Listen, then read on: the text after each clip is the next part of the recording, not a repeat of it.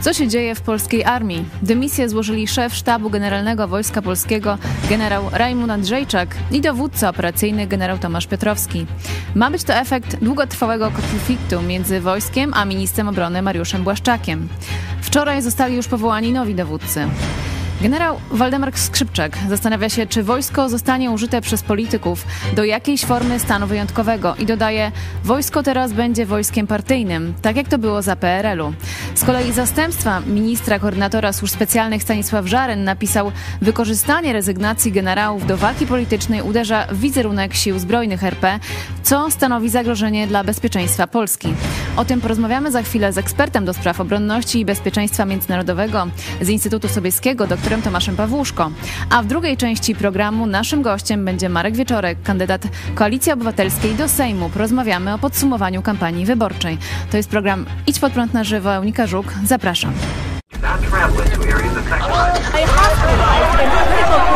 Jesteśmy przestępcami.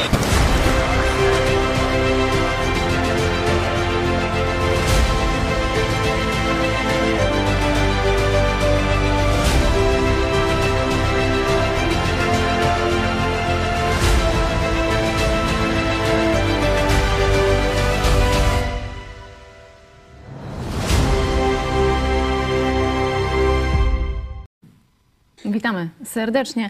Jest z nami dr Tomasz Pawłuszko, Instytut Sobieskiego, e, Uniwersytet Opolski. Dzień dobry. Dzień dobry Panie redaktor, dzień dobry Państwu. Dzień dobry, a z nami w studiu oczywiście pastor Paweł Chojecki, szef telewizji Idź Pod Prąd. Witamy również. Witam bardzo serdecznie. E, witamy e, przede wszystkim Was i zapraszamy do udziału w sądzie na YouTubie, na Twitterze.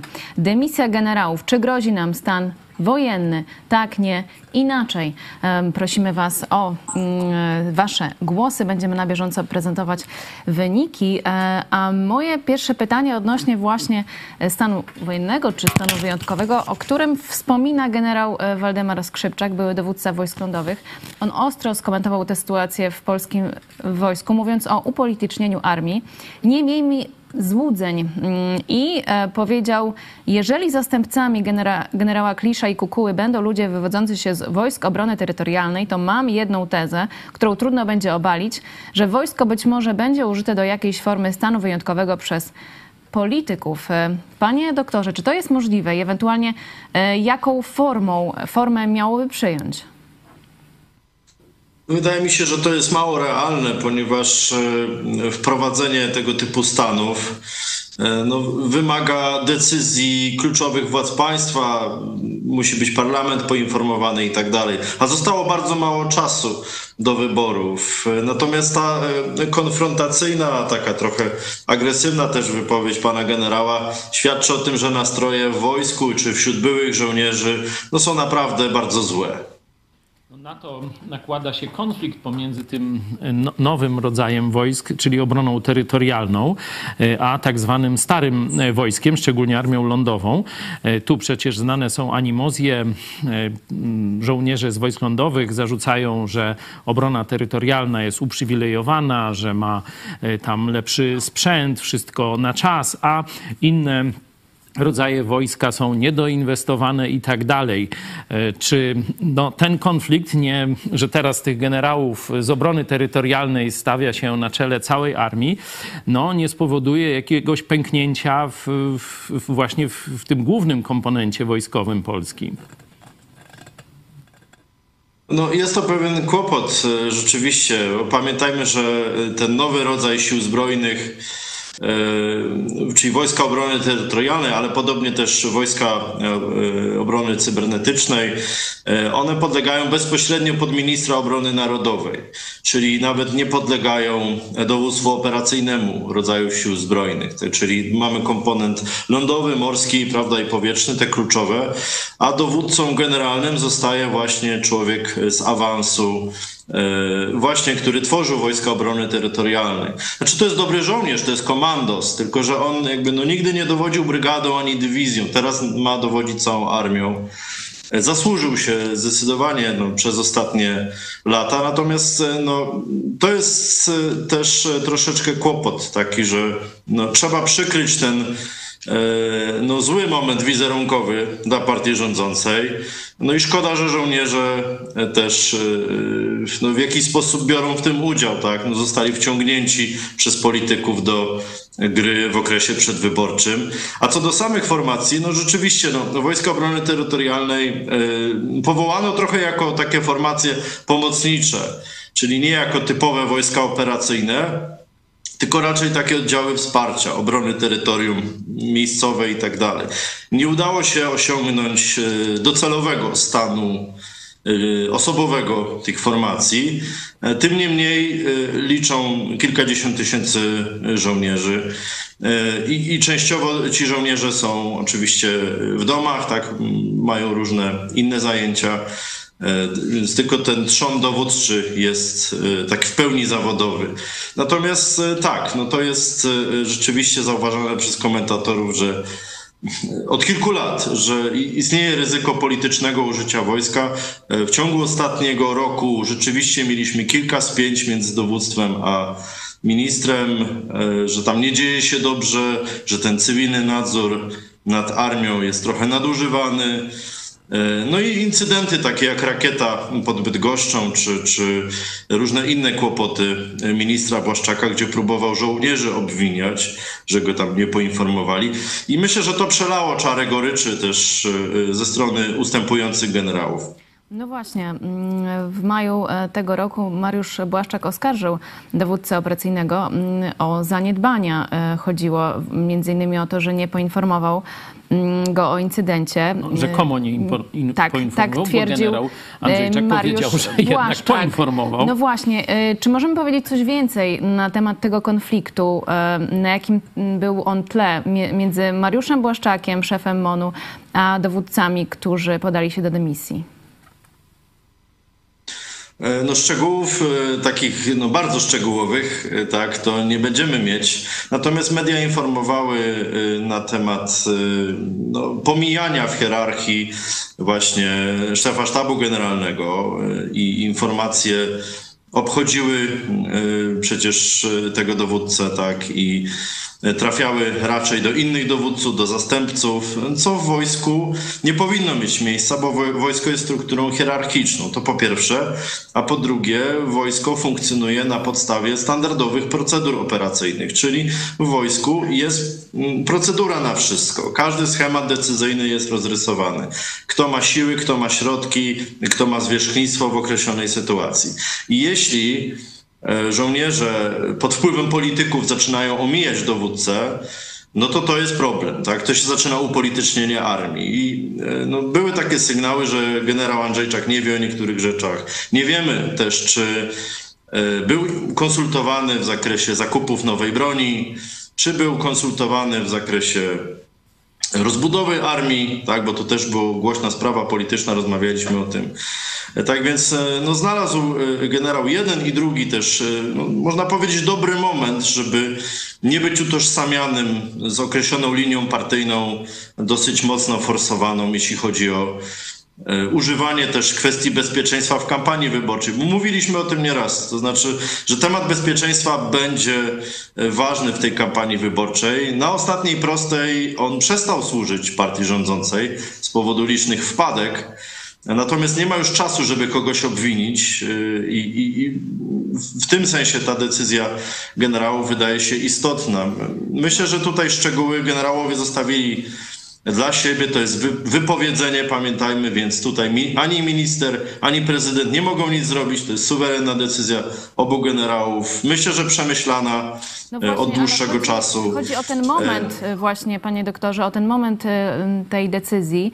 E, I tutaj e, no na przykład, tak jak przywołałam e, słowa Stanisława Żaryna, zastępcy ministra koordynatora do spraw służb specjalnych, że to wykorzystywanie rezygnacji generałów do walki politycznej uderza w wizerunek sił zbrojnych i jest zagrożeniem dla bezpieczeństwa Polski.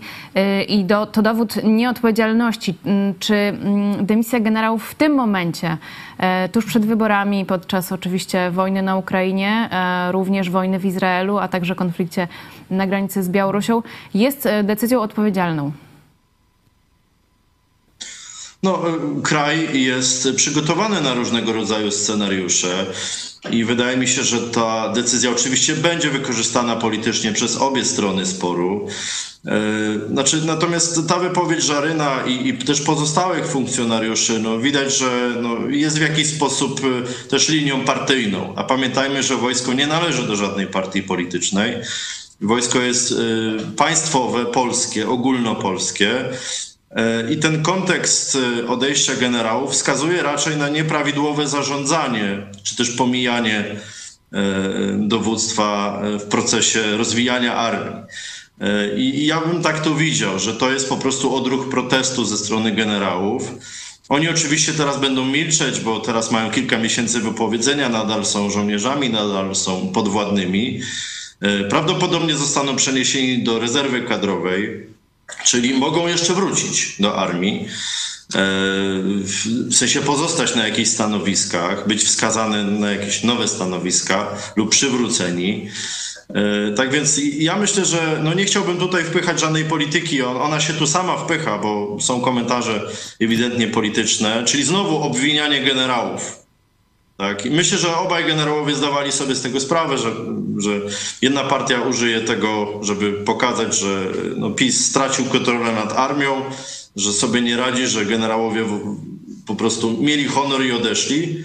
Więc ja bym tutaj żołnierzy nie oskarżał o to akurat, a z kolei partia rządząca będzie twierdzić, że to jest niedobre dla państwa i, i dla bezpieczeństwa. I obie strony mają swoje argumenty. Dopóki e, tak naprawdę nie powiedzą się sami nie wypowiedzą się sami zainteresowani, no to jesteśmy skazani na e, domysły. Natomiast e, wynika z odbioru opinii publicznej, że raczej po prostu generałowie mieli dość no, wtrącania się ministra i upolityczniania armii, bo widzieliśmy też udział armii w różnych eventach partyjnych czy państwowo-partyjnych, e, tam gdzie e, nie powinno to mieć miejsca. No i myślę, że ta sprawa wpłynie na kampanię wyborczą, na pewno. Ja jeszcze chciałem dopytać, bo mm, ci dwaj generałowie, no to przecież z nominacji Prawa i Sprawiedliwości e, to już, e, że tak powiem, ta nowa władza, prezydent Duda i elita PiSu, Ministerstwo Obrony Narodowej, to są ludzie wskazani przez PiS. A jednak y, no, tu dochodzi do takiego zgrzytu y, w przededniu wyborów. Jak y, no, pan doktor czyta w takim razie stosunki między PiSem a armią? Czy tu jest, był tylko jakaś, była jakaś taka pozorowana przyjaźń, czy, czy dalej to takie jakiś opór środowisk wojskowych w stosunku do tego cywilnego nadzoru nad armią? Jak to czytać, że to są nominaci Y, Dudy i PiSu, a tu się buntują w przededniu kampanii, znaczy w przededniu wyborów. No właśnie, no to jest ten, ten, ten, główny problem interpretacyjny, czyli e, no, mnie się wydaje, że e, po prostu żołnierze doszli do pewnego rodzaju ściany, bo żołnierz nie może przekraczać procedur, żołnierz nie może się też wypowiadać politycznie, więc jeśli nie może realizować pewnych swoich celów e, w ramach swojej pracy, wówczas składa dymisję lub prosi o przeniesienie. No ale jeśli mamy dowódców generalnych, gdzie nie da się już ich wyżej awansować, no to pozostaje pytanie, czy oni jeszcze panują nad armią. Uznali, że nie są w stanie sprawować swojej funkcji, e, zwłaszcza w ciągu ostatnich miesięcy. E, I, dlatego podjęli taką decyzję. Oczywiście, jako żołnierze nadal nie będą jej komentować, bo wojsko jest apolityczne zgodnie z konstytucją. Natomiast no, politycy będą, no właśnie, obwiniać wojsko, obwiniać siebie nawzajem i społeczeństwo będzie coraz mniej z tego rozumieć. E, mnie się wydaje, że e, to jest też głębszy problem, e, o którym rozmawialiśmy bodajże rok temu na jednej z debat. No, postępuje opartyjnienie państwa. Widzimy to w różnych obszarach życia. Widzimy to zwłaszcza w kampanii wyborczej, gdzie używane są różne środki, różne instytucje z zamiarem poparcia jednej z partii, tak, partii rządzącej. I myślę, że takie ciągoty, żeby użyć armii w kampanii wyborczej były, aczkolwiek e, raczej nie dowierzam tym komentarzom, które twierdzą, że na ostatniej prostej kampanii PiS miał użyć wojska do jakichś niebezpiecznych prowokacji, ponieważ i tak mamy dość dużo problemów z bezpieczeństwem, żeby sobie ich dokładać i to by nie, wypa- nie wypadło wiarygodnie. Tak więc wojsko się cieszy dużym prestiżem społecznym, ale widzimy na przykład upadek prestiżu policji, prawda, czy, czy innych formacji. E, tak więc myślę, że generałowie podjęli decyzję na podstawie danych, które mieli, e, że nie są już w stanie zapewniać e, jakości dowodzenia. A szkoda, bo są to obaj dowódcy, w których społeczeństwo włożyło kilkadziesiąt milionów złotych wyszkolenie i tak dalej. Także są to osoby znane w NATO, szanowane być może po prostu nie spotkały się ze zrozumieniem polityków.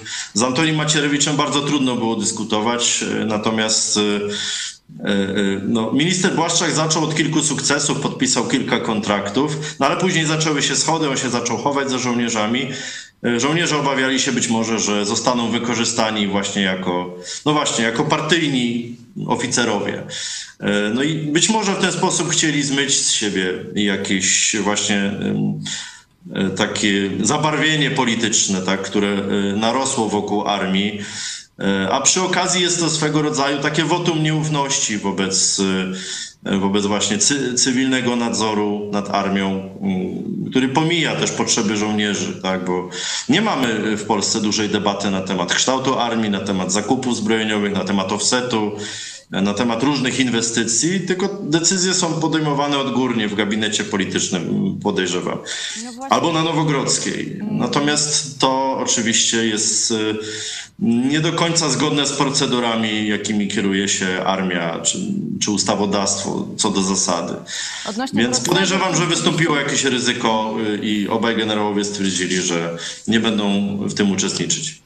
E, odnośnie procedur, to źródła Onetu też informowały, że dowódcy mieli złożyć te dymisje po wyborach, ale szale goryczy y, przelała decyzja ministra Błaszczaka o tym, że misję ewakuacji polskich obywateli z Izraela powierzył generałowi Wiesławowi Kukule, który wtedy był dowódcą generalnym rodzajów sił zbrojnych, a nie generałowi Piotrowskiemu, e, dowódcy operacyjnemu, do którego należały te prerogatywy. E, I w, w takim razie ci dwaj e, dowódcy e, podali się do dymisji, tak mówią źródła Onetu. Nasi Widzowie również są e, zdania, że.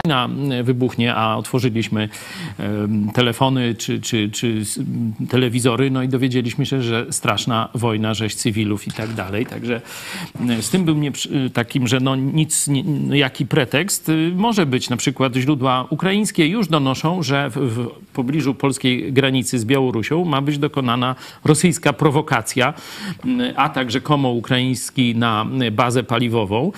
Tak Także no, to tylko pokazuje, że tu cały czas y, wszystkie opcje są jeszcze możliwe. Mm, panie doktorze, jeszcze ch mm, chciałabym porozmawiać na temat mm, nowych najwyższych generałów Wojska Polskiego, na temat generała Wiesława Kukuły. Niektórzy e, tak o nim e, mówią, że jest to wojskowy dyzma, który pnie się po szczeblach kariery e, dzięki temu, że jest zaufanym Mariusza Błaszczaka. Co by pan więcej mógł powiedzieć naszym widzom na temat generała Kukuły? Nie znam pana generała osobiście, więc e, wiem niewiele więcej tak naprawdę. Natomiast rzeczywiście jest to doświadczony żołnierz, jest to specjalist, jest to komandos, który ma dobre doświadczenie, dowodził pułkiem komandosów e, i jest to e, osoba na pewno kompetentna jako żołnierz. Natomiast e, no, zachodzi ta okoliczność, e, czy mm, jest to również doświadczony dowódca wyższego szczebla, bo e, on w kilka lat awansował właśnie od, od, od pułkownika dosłownie do generała całej armii. Jest to oczywiście osoba doświadczona jako żołnierz, natomiast szef sztabu generalnego czy, czy dowódca operacyjny to są organy planistyczne i zazwyczaj te stanowiska zajmują oficerowie związani z wojskami lądowymi, ponieważ wojska lądowe to jest większość polskiej armii.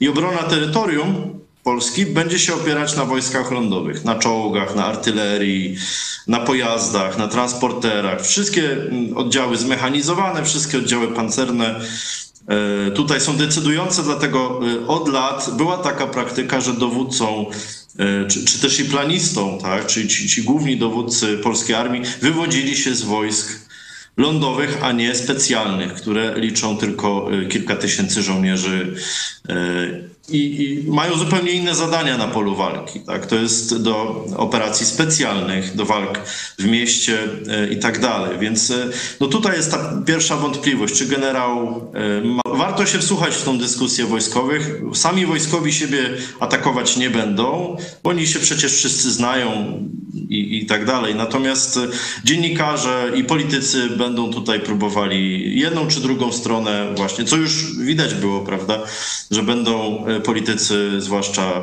tutaj mówić o nieodpowiedzialności, o e, niespełnianiu jakichś standardów, czy, czy o jakimś tam zawodzie. E, no trudno powiedzieć. No to takie są prawa niestety kampanii wyborczej i, i obie strony te, tego będą używać.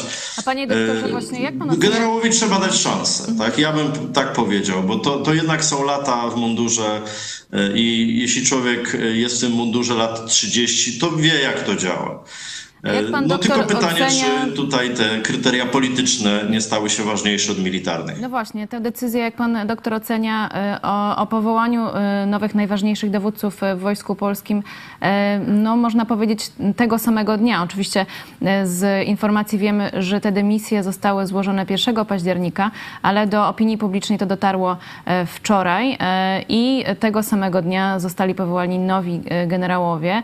A mówiło się, że to może potrwać mm, dni, tygodnie, czy nawet dłużej i że to na pewno będą y, już nominacje po wyborach. Jak pan ocenia tę decyzję, że tak szybko to się stało?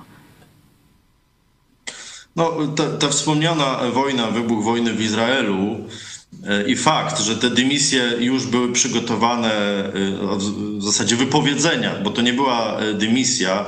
Dymisja może być na wniosek, prawda? A tu jest typowe wypowiedzenie, to była decyzja generałów, nie ministra.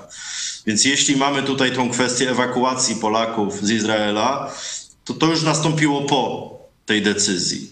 Czyli być może żołnierze rezygnując po prostu nie chcieli być do końca utożsamiani e, z rządami ministra Błaszczaka. To na przykład politolog Marek Migalski tak na Twitterze zasugerował. E, on się na bezpieczeństwie nie zna, ale, e, ale politykę czuje dosyć dobrze, bo sam był politykiem, więc rzeczywiście byłbym skłonny się przychylić do, do tego stanowiska, chociaż nie instrumentalizowałbym decyzji żołnierzy. Tak?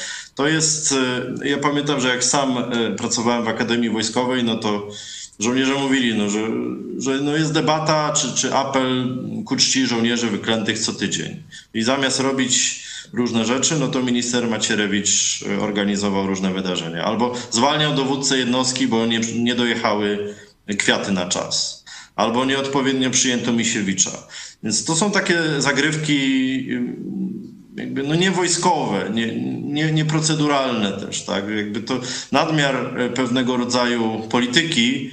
E, na początku żołnierzom mógł się podobać, no bo ta retoryka patriotyczna w PiSie była dosyć wyraźna i te zakupy e, zbrojeniowe też mogły się podobać. Natomiast no, za tym też idą personalia. A tak jak y, już mówiłem, wojsko to, to są procedury, a politycy y, ostatnie co robią, to słuchają procedur, to jest zwłaszcza w Polsce. Więc myślę, że ten konflikt stał się już po prostu nie do, nie do zniesienia. Y, I myślę, że na koniec kampanii wyborczej y, no, no, generałowie wyciągnęli po prostu pistolet, położyli na stole i podziękowali. Także ja bym tutaj widział pewną niezgodę na y, ostatnie miesiące y, no, tej polityki y, bezpieczeństwa, jaką uprawia obecny rząd. Przy czym, tak jak już mówiłem, żołnierze nie wypowiedzą tego, mogą zrobić tylko gest. No a gest może nam wytłumaczą mm, za parę miesięcy czy lat.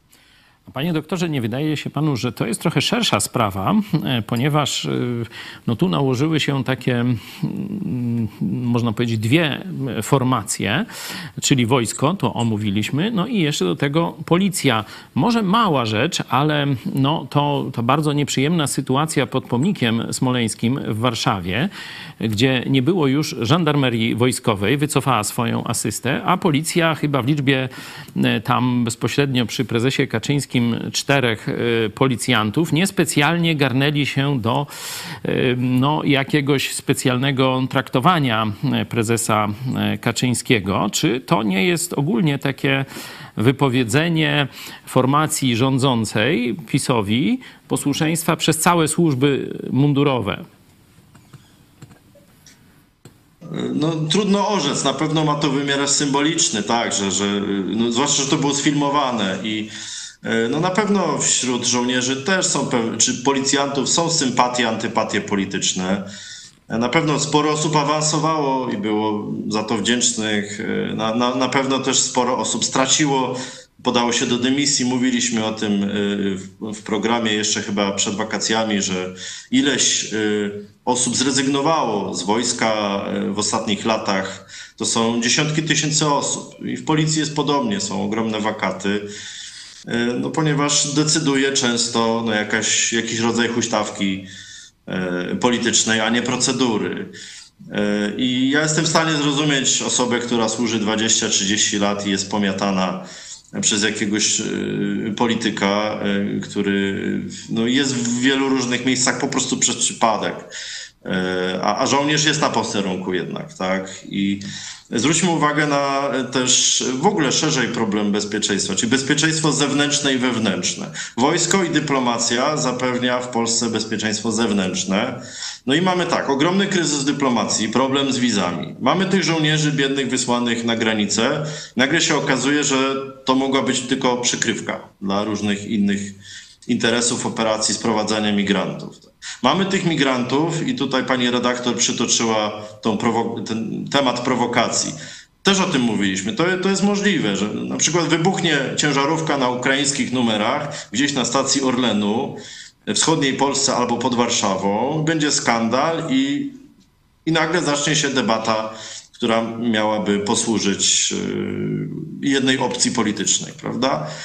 I to jest, e, to jest kłopot. I ludzie tracą zaufanie, czy, czy władza panuje nad służbami, czy po prostu nimi manipuluje po to, żeby zapewnić bezpieczeństwo nie e, obywatelom, tylko swoim interesom. I znów wraca temat upartyjnienia. Także to, to jest taki trochę samogrę już się robi, mam wrażenie. I nie dziwię się, że niektórzy dowódcy, nawet jeśli byli nominowani e, w czasach e, PiS, no co jest naturalne, bo po prostu no, nominacje czy awanse służbowe są normalne przez, przez kilka lat, że no ktoś, natraf, no kosa natrafiła na kamień, albo że po prostu ktoś w końcu ma dość, e, albo że dosięgła go ta zła strona polityki, czyli nie tylko awanse, ale też, no właśnie, kłopoty kadrowe, czy, czy niemożność realizacji zadań służbowych e, i tak dalej. Myślę, że no, jeśli żołnierze czy, czy policjanci składają wypowiedzenia, mają swoje powody tak? i one niekoniecznie są prywatne, rodzinne i tak dalej. Tylko o takich rzeczach się na wypowiedzeniu nie pisze. Po prostu pisze się jednozdaniowe pismo e, i się dziękuję za współpracę. Może mieć miejsce rozmowa z przełożonym, może jakieś przekonanie, do zmiany decyzji. Tak by mogło wystąpić na przykład w sprawie tych dwóch generałów. E, no ale widzimy, że no, to sprawa szybko stała się publiczna i teraz e, no, PiS musiał załatać dziury w swojej narracji, że Polska jest bezpieczna. Trzeba było szybko kogoś obwinić i mianować dowódców w miejsce wcześniejszych dowódców. No i to jest problem wizerunkowy. Nie wiemy, jakie problemy inne e, zgłaszali nasi sojusznicy z NATO, bo być może tam były jakieś zaniechania, o których jeszcze nie wiemy. No ale wkrótce się dowiemy, tak myślę. Jeszcze dotarła do nas smutna e, informacja o śmierci żołnierki ratowniczki medycznej właśnie w województwie podlaskim. Tam ciągnik wjechał wojskową karetkę. E, trzech żołnierzy mm, odniosło obrażenia, a ta żołnierka e, zmarła niestety. E, jej kolega mm, mm, powiedział po, po tym zdarzeniu, że do tego nie miało prawa dojść. My tam nie wykonujemy żadnych zadań, tylko na polityczne polecenia ministra Błaszczaka mamy się pokazywać przed wyborami. Chodzi o to, że rzeczywiście szef MON wysłał tysiące żołnierzy, by pełnili tam służbę E, mm, jeśli chodzi o e, polską, e, polsko-białoruską granicę. Czy rzeczywiście za tą śmierć też byście obwiniali ministra Błaszczaka? No jeśli mogę powiedzieć, bo z, z takimi żołnierzami właśnie tych najniższych szczebli miałem przyjemność rozmawiać nie tak dawno, no to oni mówili, że dbałość o żołnierza dalej jest bardzo niska, o takiego szeregowego żołnierza, ewentualnie podoficera, że e, jeśli chodzi o wyposażenie, jeśli chodzi e, o nawet umundurowanie, to często na własny koszt żołnierze muszą się przygotowywać. E, także też ten komponent, który pojechał do województwa podlaskiego, gdzie ten tragiczny wypadek się wydarzył, no też na początku były informacje o tym, że nie ma właściwych kwater, że tam pod gołym niebem żołnierze śpią. Oczywiście no, żołnierz powinien być gotowy na każde warunki, Mm, ale jeśli robimy taką operację, no to ona powinna być przygotowana, przecież to nie były warunki bojowe, e, tylko w fazie pokoju, powinna być właściwie przygotowana. Także widać, że e, tutaj PiS robi takie działania pod publiczkę, no a zwykły szeregowy żołnierz, no tam się niewiele liczy. No, kiedy to były te sprawy tam braku wyżywienia, że musieli sobie kupować tam w Stokrotce czy Biedronce, to jeszcze mm, tam powiedzmy nic się nie stało, no ale teraz mamy do czynienia e, z tragedią, ze śmiercią polskiego żołnierza, kobiety e, i no, żołnierze mówią, no ale po co to było? Po co myśmy tam pojechali? Panie doktorze, jak pan ocenia tę sytuację? To jest oczywiście no, nieszczęśliwy incydent. E, nie słyszałem o tym wcześniej, ale takie sytuacje właśnie mogą się zdarzać. No, jak wypadek drogowy, e, jak złamanie nogi, jak upadek z wysokości, kontuzja podczas posługiwania się bronią, czy podczas budowania obozu. To są właśnie no, takie elementy, które no, żołnierz kalkuluje oczywiście w ramach służby. E, natomiast no, powstaje pytanie, czy wykonywanie niektórych zadań jest zasadne. No i tutaj rzeczywiście żołnierze młodsi nie mają zbyt wiele do powiedzenia, ponieważ decyduje dowódca po prostu, a dowódca słucha swojego dowódcy. E, no i ten ciąg decyzyjny procedur no jest uruchomiony i, i rzeczywiście żołnierze trafiają potem e, w tereny przygraniczne. Wydaje się, że to mógł być taki poligon, natomiast rzeczywiście komentarze wojskowych, e, które znajduję, czy, czy które czytam, też świadczą o tym, że tam żołnierze de facto nie ćwiczą, tylko no, pilnują czegoś. Nie bardzo wiadomo czego, y, bo Wagnerowców już na Białorusi za bardzo nie ma, y, więc tam ten temat y, jako polityczne paliwo wygasł dla partii rządzącej. Białorusini nie szykują jakichś oddziałów przeciwko nam. Możliwe będą prowokacje, ale to jest robota dla służb, tak naprawdę, wywiadu i kontrwywiadu, a nie dla regularnego wojska. Więc tak naprawdę, no właśnie, czy, czy ci żołnierze się tam szkolą, czy, czy to jest poligon? Okazuje się, że nie. Więc rzeczywiście y, dużo osób jedzie tam dla przygody, zobaczyć jak to jest. Ja to rozumiem. Natomiast nie rozumiem tych wyższych szczebli podejmowania decyzji. Jeśli rzeczywiście celem było utrzymanie poparcia politycznego, dla partii rządzącej, no to to jest już upolitycznienie wojska, tak. No i y, myślę, że sprawę zbada prokuratura wojskowa i no, ktoś za tą tragedię będzie odpowiadał. Pytanie na jakim szczeblu, bo politycy na pewno nie będą się tym przejmować. Nasi widzowie, nasi widzowie mm, pytają, Tomasz Szandar, czy wojsko nie powinno być kierowane przez wojskowych, a nie polityków? I zaczęliśmy od tego upolitycznienia wojska. E, I też chciałam na koniec zapytać o to, e, czy jakieś rozwiązania systemowe e, pan jako ekspert by proponował dla przyszłych rządów, żeby to upolitycznienie, upartyjnienie, jak nazwał to generał Skrzypczak, tak jak za PRL-u, żeby nie miało miejsca w przypadku przyszłych rządów? Trudno powiedzieć, bo to jest szersza kwestia kultury politycznej. I ja bym powiedział tak, jeśli ministrem sprawiedliwości zazwyczaj jest prawnik, a minister, ministrem zdrowia zazwyczaj jest lekarz, e, no to szefem resortu obrony powinna być osoba, która jest na przykład byłym żołnierzem, która wie na czym to polega e, i która e, zna procedury, która zna specyfikę resortu.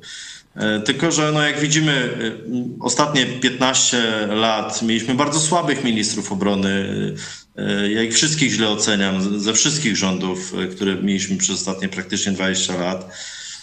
I dlatego coraz częściej żołnierze po prostu plany, strategie starali się pisać sami, bo no, politycy albo nie mieli kompetencji, albo po prostu zajmowali się zakupami zbrojeniowymi i, i, i, pieniędzmi z tym związanymi. Także taka byłaby moja sugestia, tak, żeby po prostu, no nie da się tego wpisać oczywiście do konstytucji ani do ustawy, żeby E, żeby był e, ministrem były żołnierz, no bo jednak żyjemy w demokracji i, i powinna być to po prostu dobra praktyka, że szefem resortu spraw wewnętrznych, czy właśnie czy, czy, czy wojska, czy obrony narodowej e, są to osoby po przeszkoleniu albo po przejściu jakiegoś specjalistycznego kursu. Ja podam przykład takiego kursu.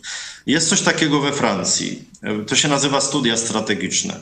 Każdy y, specjalista wyższego szczebla w państwie francuskim, czy to jest żołnierz, czy policjant, czy burmistrz, czy y, dyrektor przemysłu zbrojeniowego, czy jakichkolwiek instytucji, które są ważne dla bezpieczeństwa państwa, przechodzi roczne szkolenie w zakresie studiów strategicznych, że on wie, co od czego zależy, co wolno robić, jak działają procedury, czego nie wolno robić.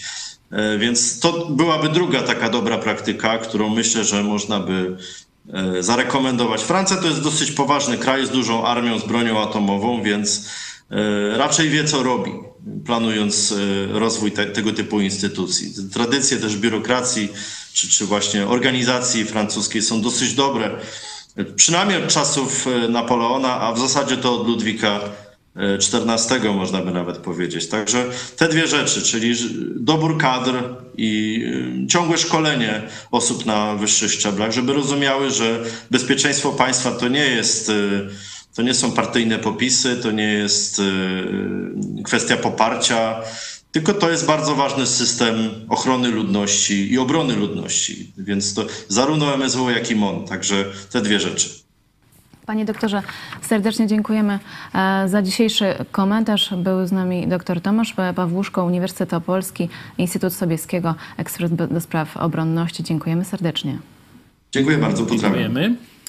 E, a teraz e, zapraszamy mm, na Grzegorz Dolecki, nasz mm, redakcyjny kolega, chciał dostać się na spotkanie e, z ministrem Błaszczakiem.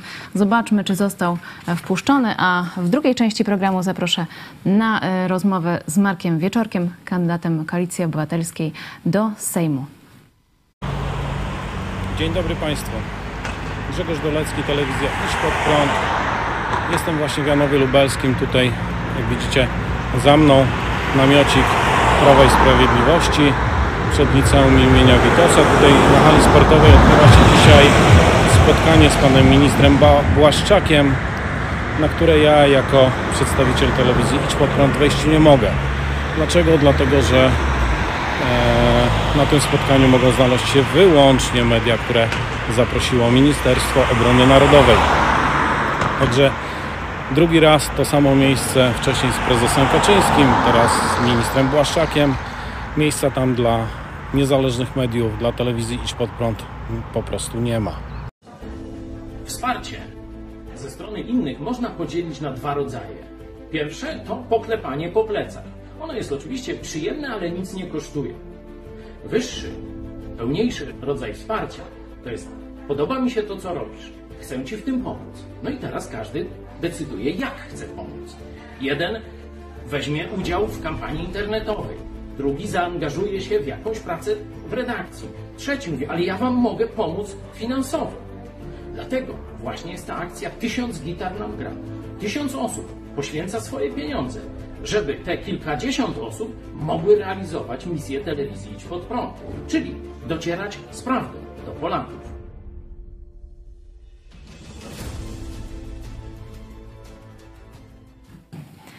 A z nami jest Marek Wieczorek, kandydat Koalicji Obywatelskiej do Sejmu. Witamy serdecznie. Dzień dobry, witam serdecznie. E, nasze pierwsze pytanie, panie Marku. Jakie były komentarze mm, w Koalicji Obywatelskiej po debacie w telewizji polskiej?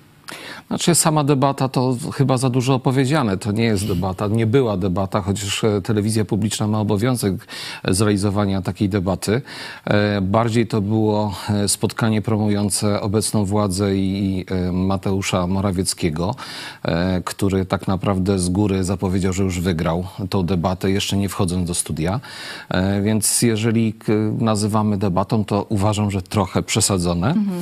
E, a jakie wrażenia? Mm, uważam, że e, bardzo dobrze zaprezentowała się cała opozycja. Nie chciałbym się skupiać tylko na nas, e, czyli na Koalicji Obywatelskiej, ale również na, na przedstawicielach innych partii politycznych, bo naprawdę uważam, że dobrze wypadli, fajnie zaprezentowali się i co było możliwością zaprezentowania po prostu opcji czy poglądów, e, które nie są prezentowane w telewizji polskiej. I chyba to był cel najważniejszy, żeby ci, którzy oglądają tylko TVP PiS, y, oj, przepraszam, TVP.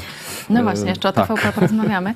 Ale też y, mm, widzowie mm, mieliśmy takie wrażenia, że Donald Tusk i premier Mateusz Morawiecki skupili się tylko na sobie, na e, docinaniu e, personalnym e, i właśnie skupili się tak naprawdę mm, tylko na tej walce PiS-PO.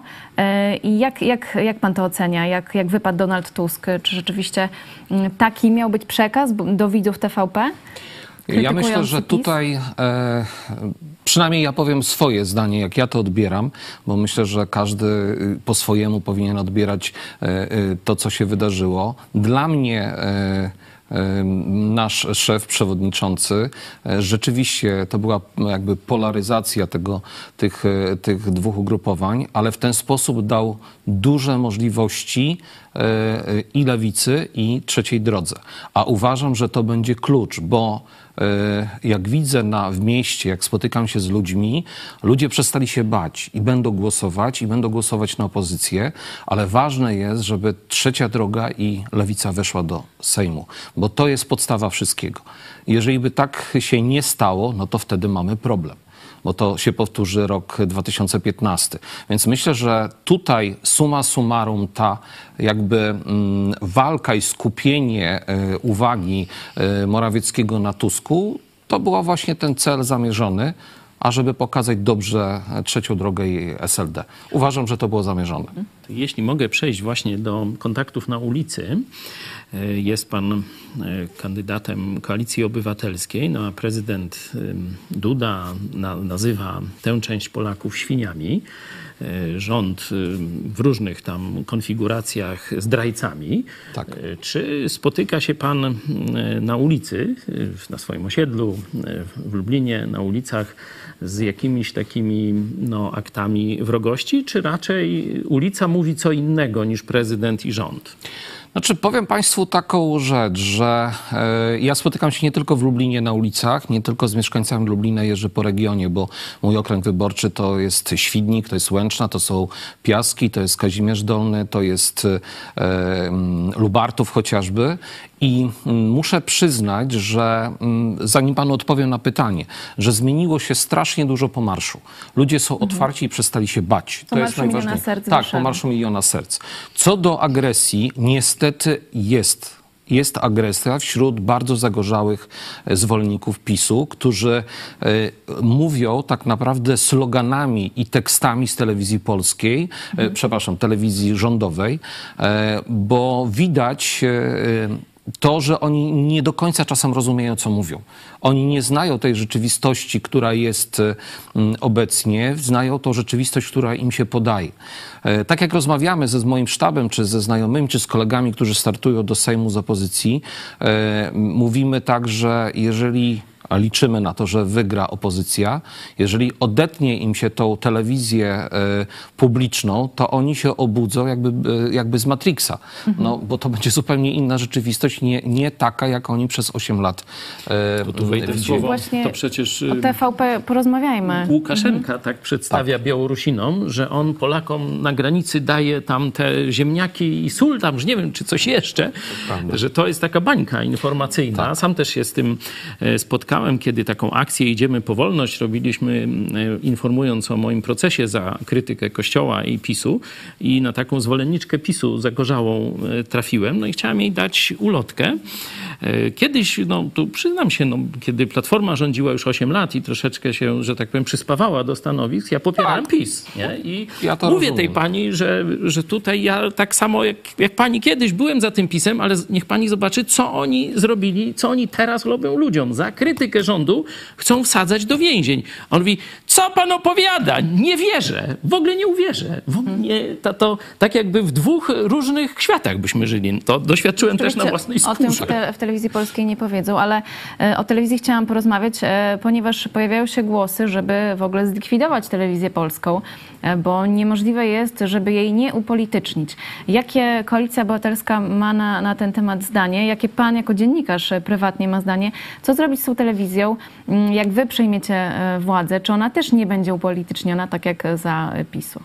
E, po pierwsze uważam i zgadzam się z głosami, że tą w takiej formie telewizję trzeba zamknąć. Dlatego, że e, tam jest, ona jest zmieniona, ona nie jest już telewizją publiczną, ale na jej miejsce powinna powstać telewizja z prawdziwego zdarzenia, z dziennikarzami rzetelnymi, którzy e, po prostu pytają dwie strony, jeżeli jest jakikolwiek problem.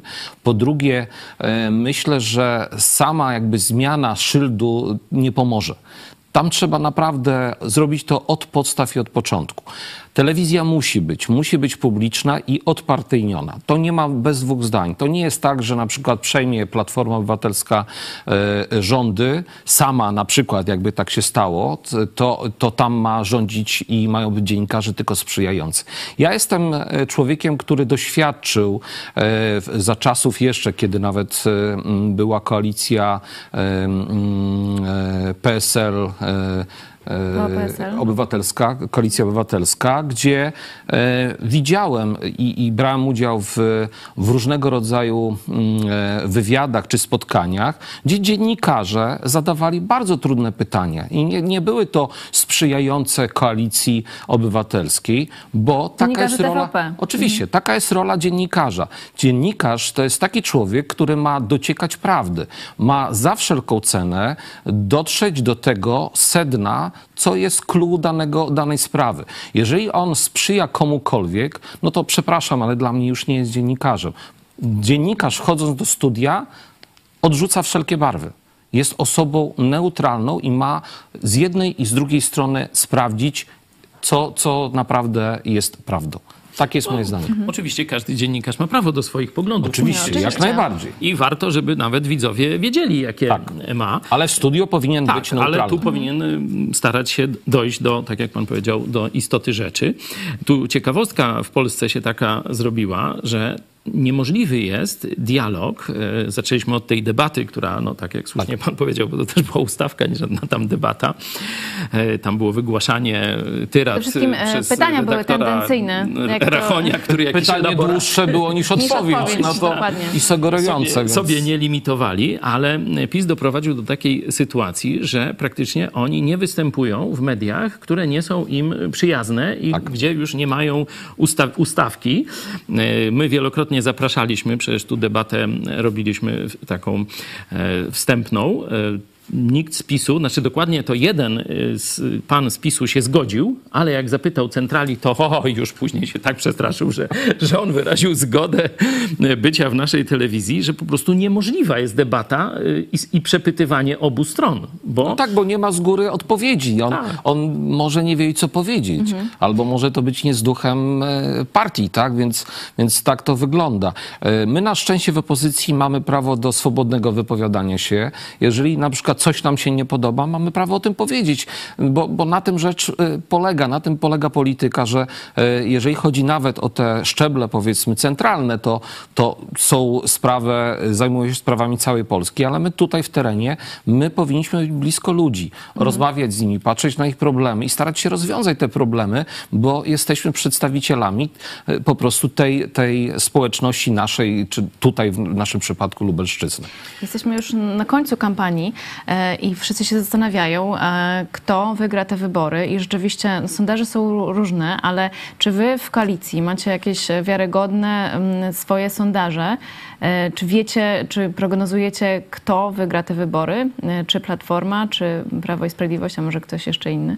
Znaczy, mm, wie Pani co, ja jeżeli chodzi o sondaże, troszeczkę jestem taki e, sceptyczny do tego, bo często wychodzi tak, że sondaże sobie, a społeczeństwo mhm. sobie.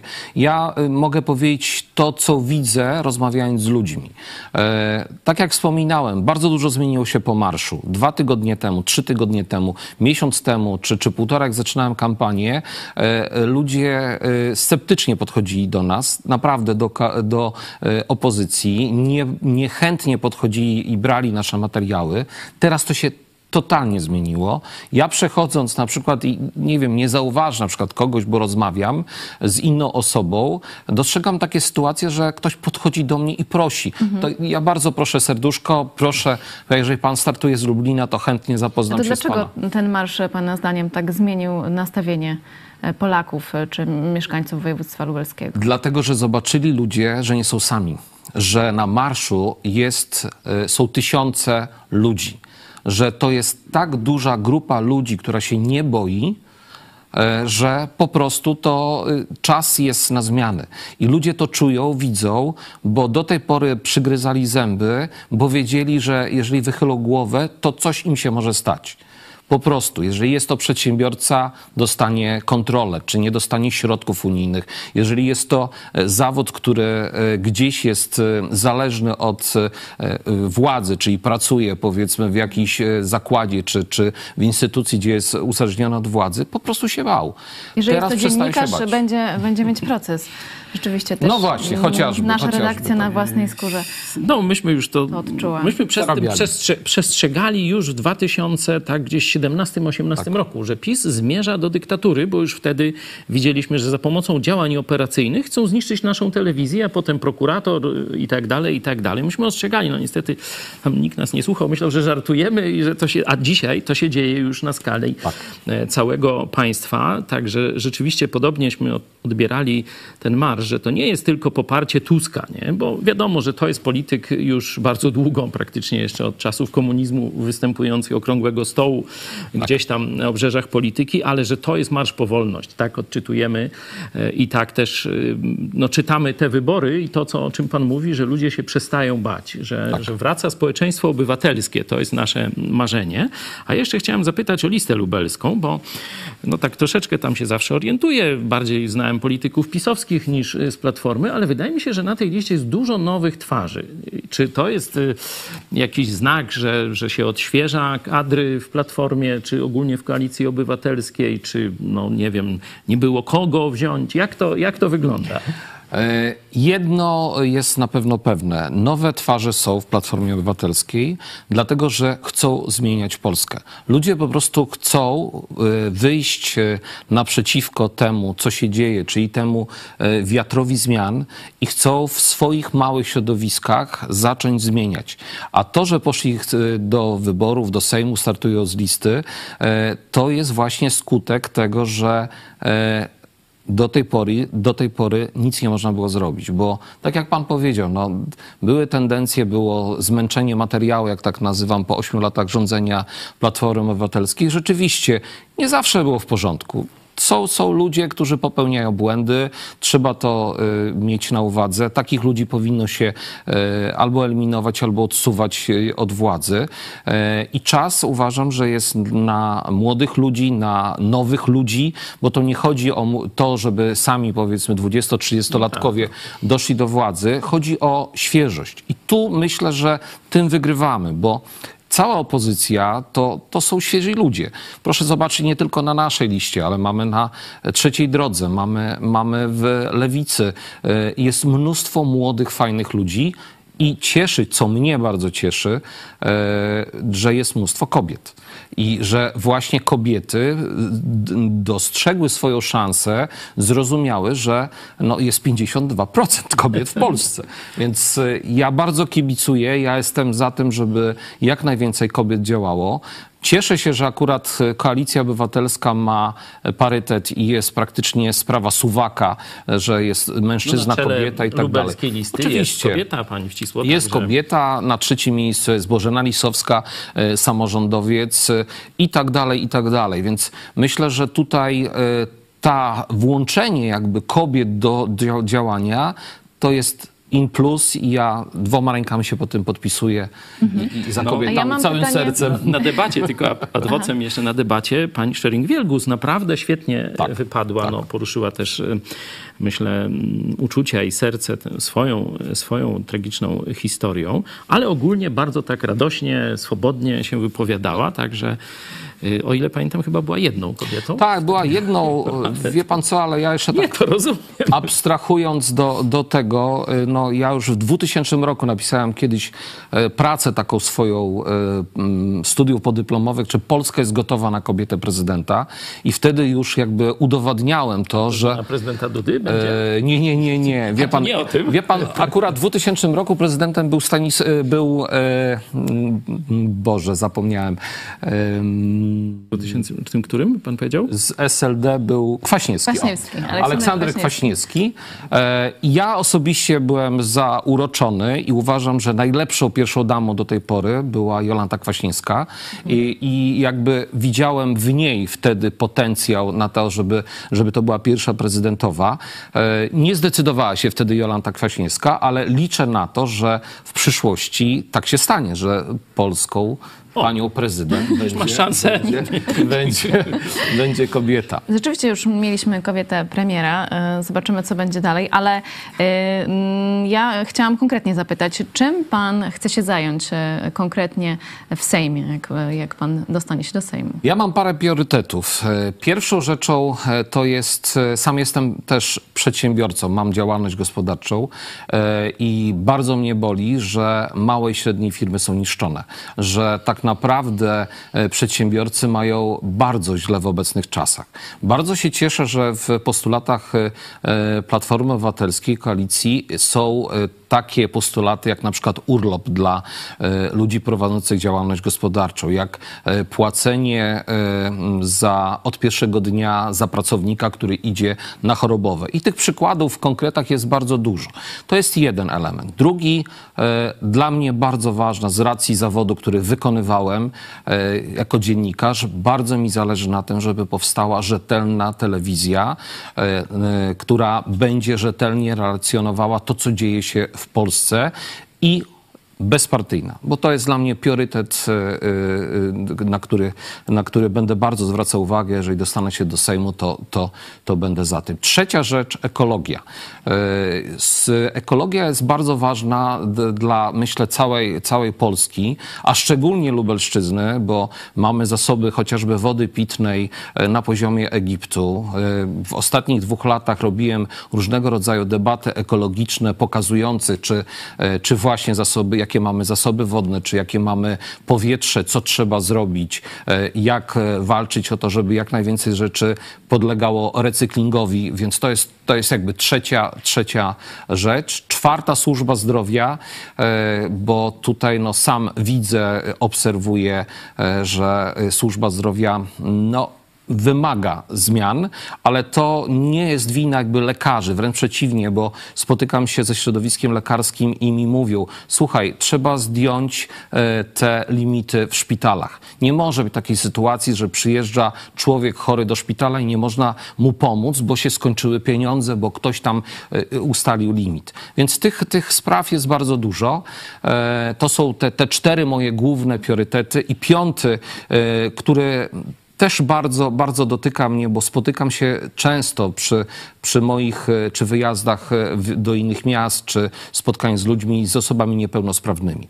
Tutaj też należy pomóc, bo e, nie może być tak, że świadome społeczeństwo nie dba o osoby niepełnosprawne, bo tak naprawdę to, czy jak, jak wygląda społeczeństwo, jak jest rozwinięte i jak się w nim żyje, to najlepszym przykładem są osoby niepełnosprawne. Mhm. Jeżeli społeczeństwo y, zdrowe nie dba o osoby niepełnosprawne, to to jest dla mnie tragedia. To, to coś niewyobrażalnego, żeby opiekun y, na przykład dziecka niepełnosprawnego nie mógł dorobić, mhm. bo, bo za moment mu zabiorą y, dofinansowanie czy, czy środki, które dostaje właśnie na, na, na osobę niepełnosprawną. To, tak to są pięć. Zapytam podchwytliwie trochę, e, czy jest, podoba się panu ten pomysł, żeby kosztem Uniwersytetu Medycznego w Lublinie Przemysław Czarnek tworzył na swojej e, uczelni wydział lekarski, czyli na katolickim Katolickim Uniwersytecie Lubelskim.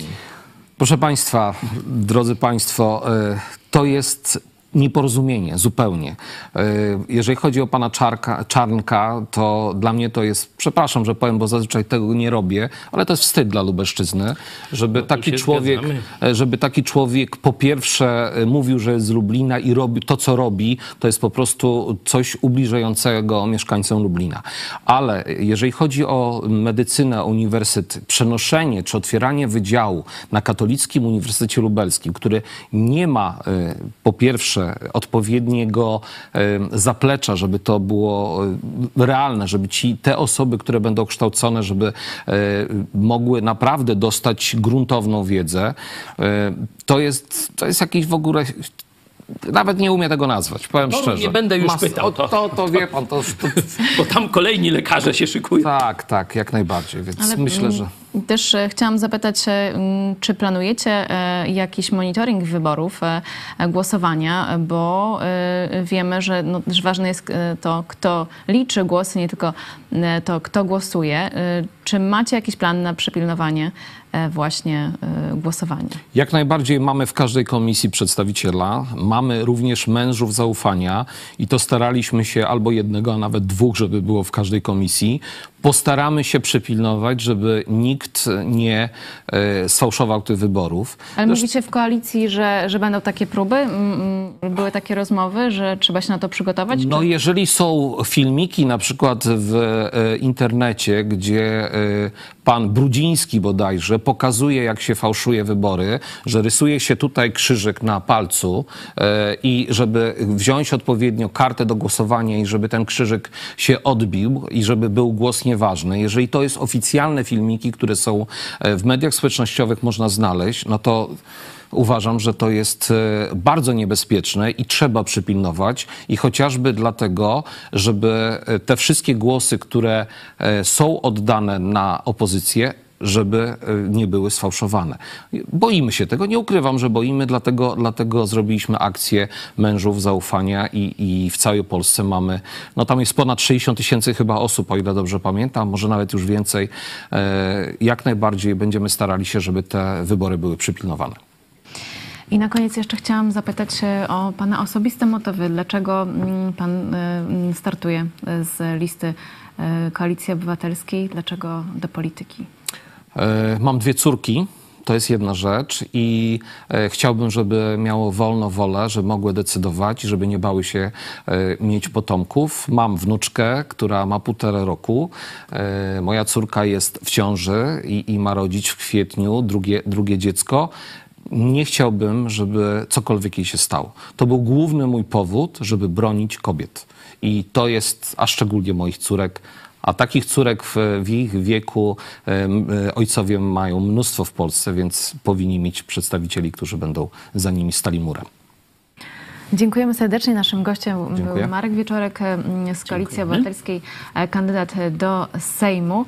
E, dziękuję Tobie, pastor Paweł Chojecki, szef telewizji Idź Pod Prąd. E, a ja jeszcze chciałam powiedzieć, że zobaczycie za chwilę tutorial. Zobacz, czy PiS dopuści Cię do głosowania. Spraw Centralny Rejestr Wyborców.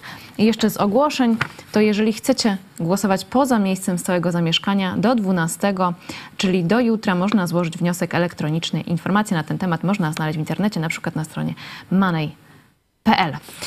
Dzisiaj o 17 jeszcze ser, serwis info, in, telewizji Idź Pod Prąd, a o 18 dogrywka, którędy do nieba. Dziękujemy serdecznie, dziękujemy za Wasz udział w sądzie. Jeszcze może dostanę jej wyniki.